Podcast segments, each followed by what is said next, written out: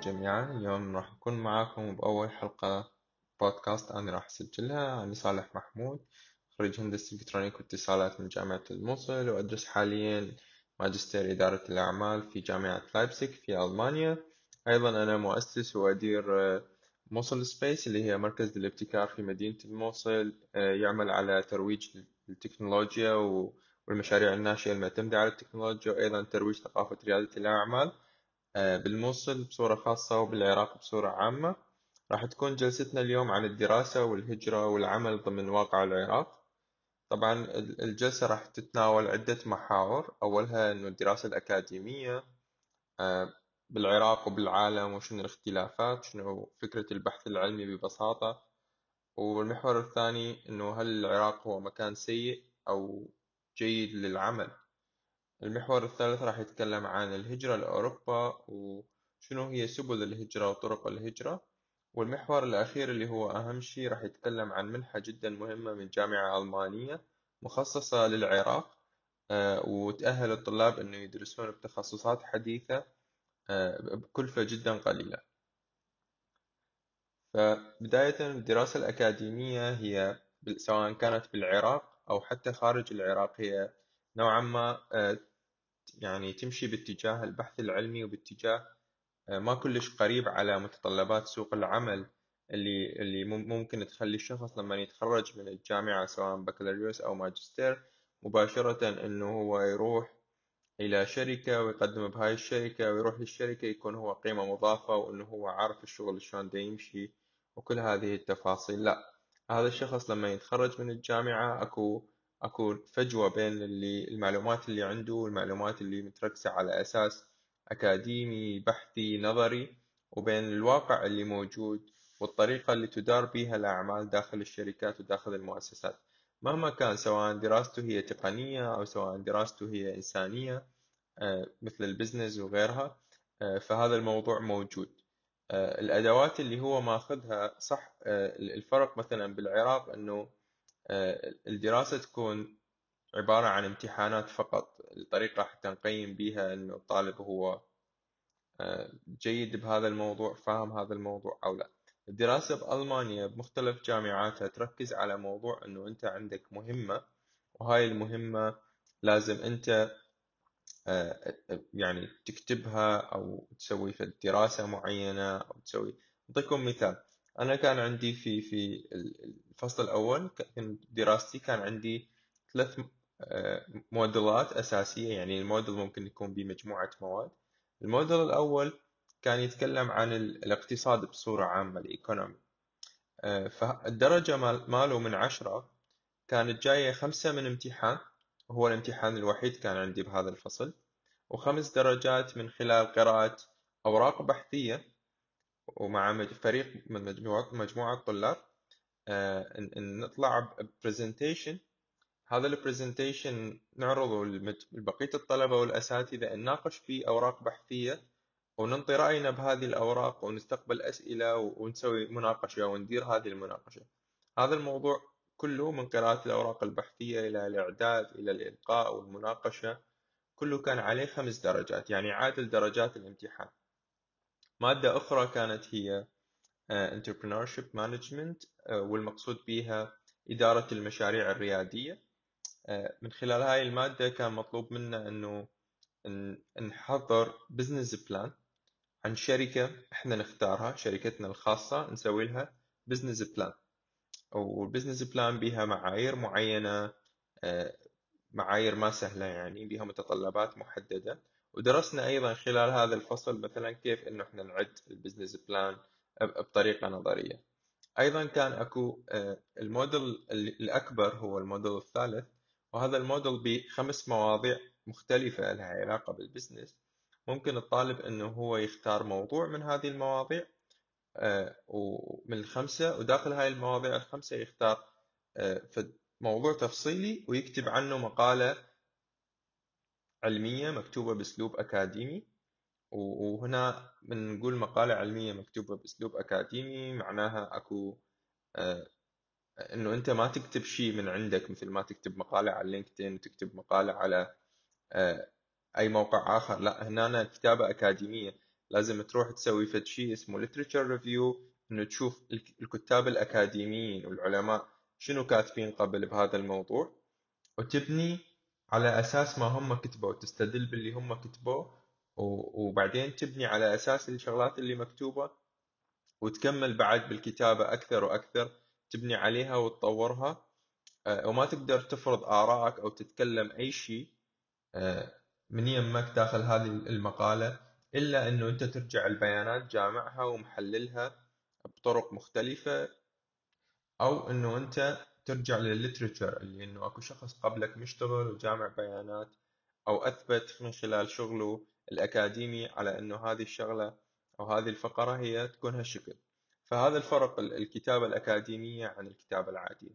طبعا هذا الموضوع إنه أنت تكتب آه، هو جدا مهم. بالنسبة لنا إحنا لما كتبنا بالاسي ما ما يعني الاسي ما كانت وقتها كافي لأنه أنت تنتج نتاج علمي كبير. لكن بالنسبة للجامعة هي تعتبرها أنه إحنا هسه نتدرب آه، على أنه آه، أول فصل على الكتابة الأكاديمية حتى ثاني فصل نتدرب أكثر والسنة الثانية إحنا نبدي نكتب ال thesis مالنا أو الرسالة البحثية وإحنا صايرة عندنا skills فكل الجامعات الألمانية جزء من موادها تكون هي امتحانات وجزء من موادها تكون هي يسموها assignments. إنه مهمات كل مهمة تختلف باختلاف نوع المادة. مرات تكون أكو أكو أكو ترابط كلش كبير بين المواد اللي هي بيها امتحانات والمواد اللي بيها assignment. أيضا مثلا الجامعة دائما تسوي فعاليات مثلا إحنا واحدة من الفعاليات اللي موجودة عندنا اللي هي ال online marketing challenge إنه إحنا نساعد شركات موجودة في المانيا آه، كمجموعات طلاب إنه نسوي لهم online marketing campaign الهدف من ال online marketing campaign إنه نسوي internationalization إنه نساعد هذه الشركات إنه تتوسع الأسواق عالميا. قد تكون هذه الأسواق العالمية تتحدث بلغة شركات ما تعرفها لأن هي شركات ألمانية اللغة اللي تتحدث بها هي الألمانية. وهكذا. فهاي التجارب بالرغم من أنه هي موجودة آه، وبالرغم من أنه هي تنطيك يعني تجربة وتنطيك خبرة لكن تظل محدودة ما تصل لمستوى كلش كبير. اللي يخليك أنه أنت تروح جاهز وناضج لسوق العمل. لكن أكو محاولات وتختلف طبعا كمية التقارب بين سوق العمل وبين الجامعات من من جهة لجهة. لما تكون جامعة حكومية آه، راح تكون مركزة على البحث العلمي ونتاج البحث العلمي أكثر مما مركزة على أن الطلاب آه، وين يروحون وشلون يشتغلون. آه، بينما لما تكون جامعة يعني business school مثلا إنه هي أهلية والطالب يدفع بيها فلوس كلش كبيرة فتشوف إنه هذا النوع من ال business school تركز كلش كثير على موضوع ال internship وعلاقتها مع آه، ناس من ال من ال private sector وحتى دائما تواكب إنه موادها تكون كلش آه، حديثة. بس بس هذا السباق بين التطور اللي يصير بالقطاع الخاص وبعدين تجي الأكاديمية تواكب. بعده يعني لازم يكون أكو gap دائما لأنه آه، يعني مهما كان سريع ال lead بهذا الموضوع هو ال private sector يعني.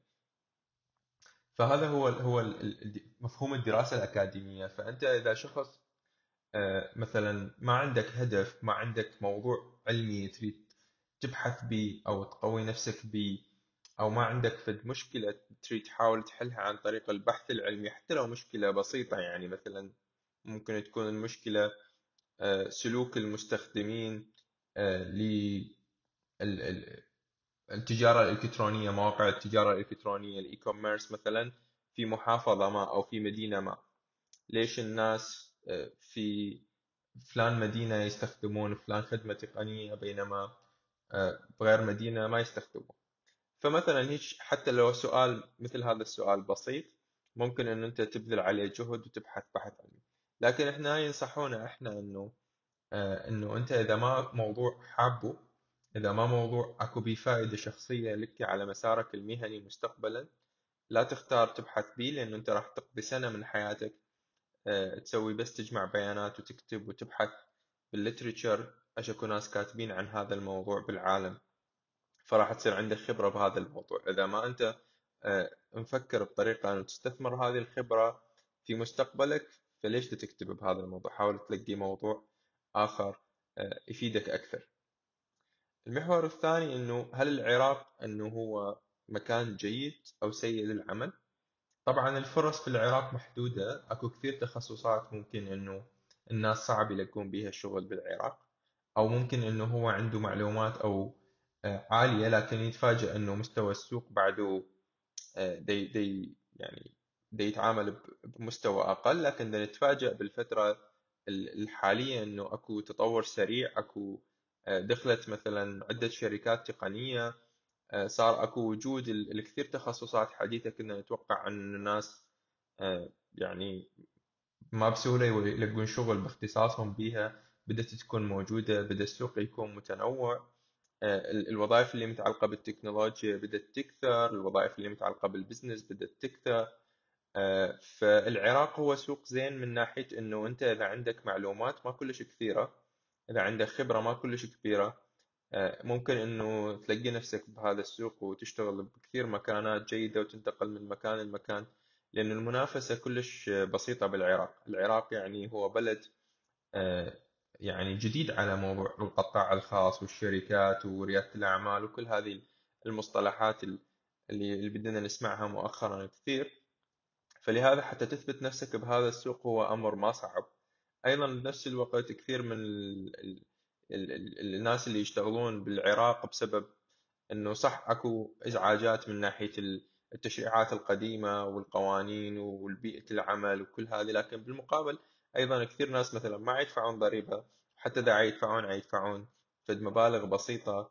الناس دا يشتغلون مثلا أكثر من شغلة بمرونة كلش عالية كثير من أصحاب المشاريع آه، ما يدفعون أي أي ضرائب ولا أكو أي جهة قانونية تراقبهم. صح هم بعدهم عم يشتغلون بالكاش ودا نقول إحنا إنه ماكو banking sector زين اكو مشكلة بال banking sector بس بالمقابل هذول دا يشتغلون informal business ممكن حتى يسوون استغلال لكثير ناس آه، بأجور زهيدة بالمقابل هم دا يربحون.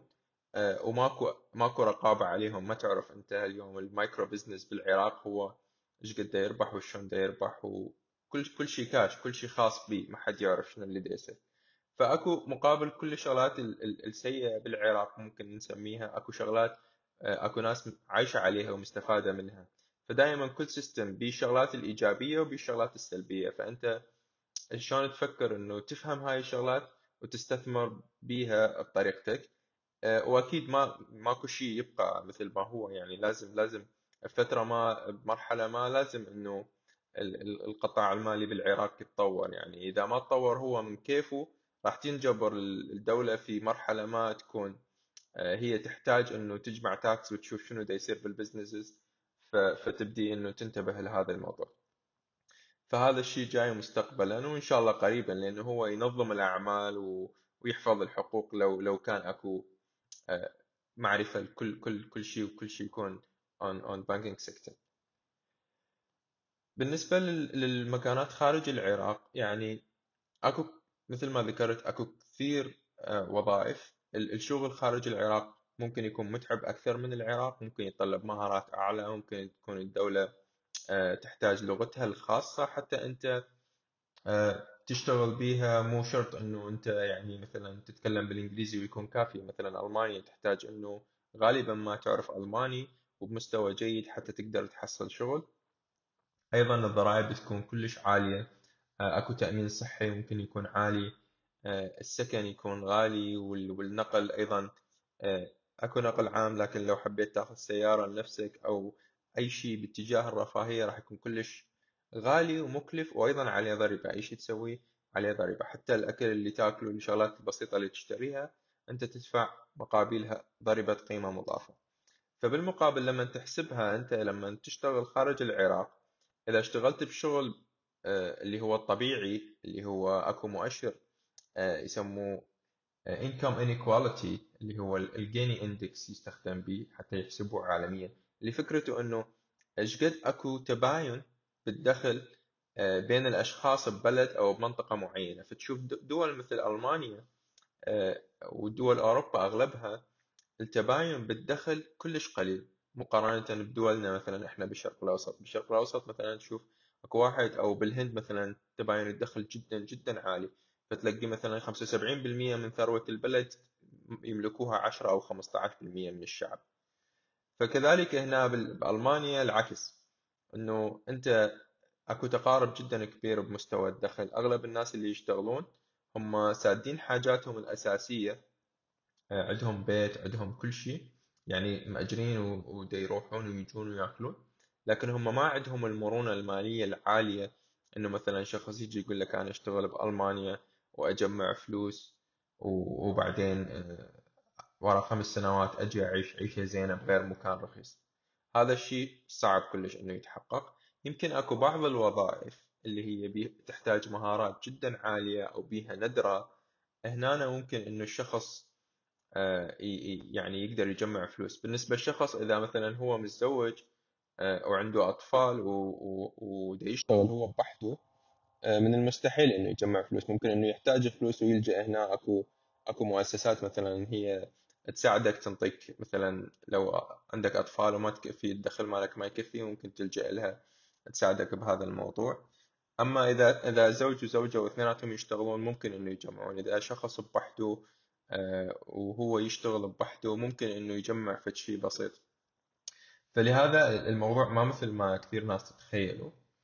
آه، أيضا آه، مثل ما إنه إحنا نريد نروح لدول أوروبا أو أمريكا ونشتغل بيها راح لما تروح تشوف إنه أكو عدد هائل من الناس من من آسيا مثلا من أمريكا اللاتينية هم أيضا من أفريقيا هم أيضا دا ينافسوك ويجون ويشتغلون آه، وهم بلدانهم مستقرة عندهم آه، ممكن تعليم أفضل قطاع خاص أفضل بالإضافة إلى الناس اللي هم من هذا البلد نفسه اللي دا تشتغل به فأنت ال إذا نتكلم عن الهجرة اللي صارت مثلا بال 2014 و 15 واستمرت لهاي السنوات أغلب الناس اللي طلعوا بيها آه، أكو كثير ناس مثلا ما عندهم شهادات فهو راد بس الخلاص من العراق وهي كانت فرصة وطلعوا.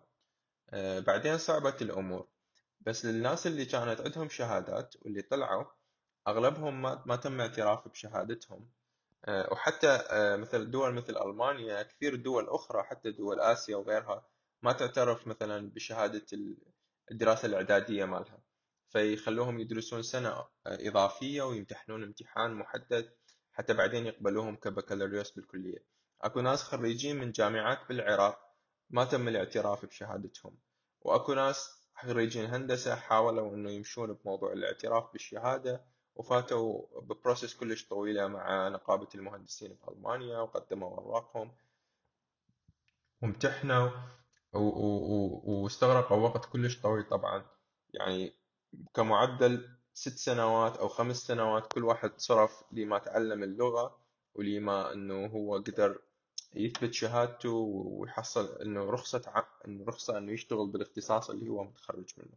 أما أكو كثير ناس هم ما تم الاعتراف بشهاداتهم حاولوا آه، كثير وما حصلوا شيء وبعدين آه، انجبروا إنه هم يدرسون من جديد. لهذا إنه فكرة الدراسة من البكالوريوس بألمانيا قد تكون مو هي الأفضل. يمكن الماجستير هو الأفضل آه، لكثير ناس مثلا هم خريجين أو شباب أو إن هم راح يدرسون مجانا بالعراق آه، ممكن خلال هاي الفترة يستثمروها يطورون نفسهم يطورون لغتهم. حتى يكونون جاهزين إنه يدرسون ماجستير في في ألمانيا. وتقدر أنت تقدم على أي جامعة على أي شيء وأنت قاعد بالبيت ما يحتاج تجي تسوي كل شيء. آه، أكو عدة منح تشتغل على موضوع الدراسة في ألمانيا.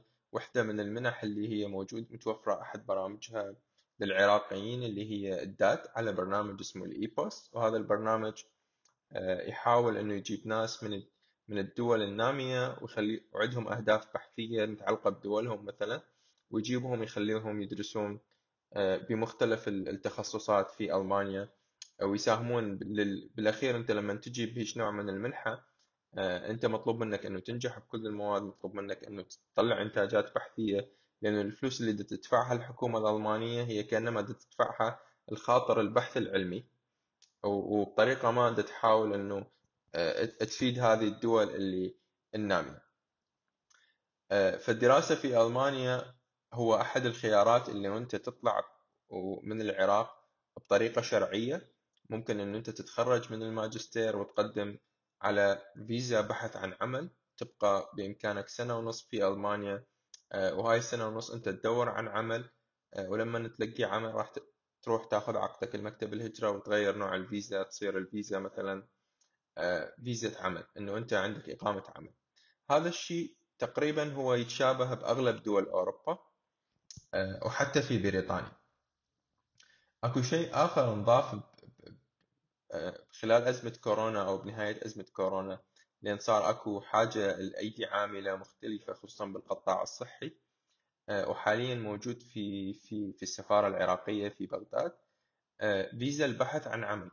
اليوم إذا شخص خصوصا الناس اللي عندهم اختصاصات تقنية آه، بإمكانهم إنه يخلون فلوس مثلا بالمصرف لمدة ست أشهر وإذا عندهم مستوى جيد من اللغة أو عندهم عقد عمل من جهة مقدمين عليها يقدرون يروحون للسفارة يقدمون على فيزا البحث عن عمل. إذا هو عنده لغة وعنده فلوس مخليها تكفيه مدة ست أشهر وعادة يقاس الشخص هنا بثمانمية وستين يورو بالشهر إنه هو آه، يصرف.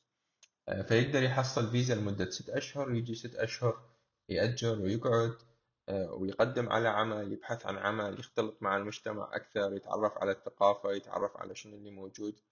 وبعدها إذا حصل شغل راح يقدم على مكتب الهجرة إنه آه، يسوي إقامة عمل ويبقى موجود. إذا ما حصل شغل بعد الست أشهر ممكن يرجع للبلد آه، اللي هو جاي منه. فهذا الخيار إنه هو طريقة شرعية وقانونية بإمكان اللي راغبين إنه يشتغلون بخارج العراق بتخصصات معينة قد تكون هاي التخصصات ما موجودة بالعراق بإمكانهم إنه يشتغلون بها. ممكن إنه يجون يشتغلون كذا سنة يكسبون خبرة وبعدين يرجعون العراق أو يعني تصير عندهم حرية أكثر. الشيء اللي جدا مهم آه، واللي أريد أتحدث عنه آه، هو منحة جامعة اسمها International University of Applied Science. هذه واحدة من الجامعات اللي اللي آه، تنطي منحة حاليا للعراقيين تصل لي أكثر من 80% تقريبا 83% من أجور الدراسة. فمثلا ماجستير لمدة سنتين هذا الماجستير ممكن يكلف آه، خلينا نقول دفترين. ممكن إنه أنت كعراقي حاليا إذا تقدم على الجامعة تحصله يمكن ب 4000 دولار. آه، الجامعة بها اختصاصات أغلبها لها علاقة بالتكنولوجيا والاعمال فمثلا بها ماجستير إدارة أعمال بها artificial ماجستير artificial intelligence ذكاء اصطناعي بها علوم بيانات بها ذكاء أعمال بها كثير بها تسويق بها إدارة آه، بها كثير كثير اختصاصات آه، من من كل الاختصاصات اللي عليها طلب عالي بالسوق الحالي. وأيضا بها دراسات هي هي بكالوريوس ممكن تدرس بكالوريوس. الدراسة بهذه الجامعة هي تكون أنت تختار إما أونلاين أو on campus اللي هو ال campus مالهم اللي برلين.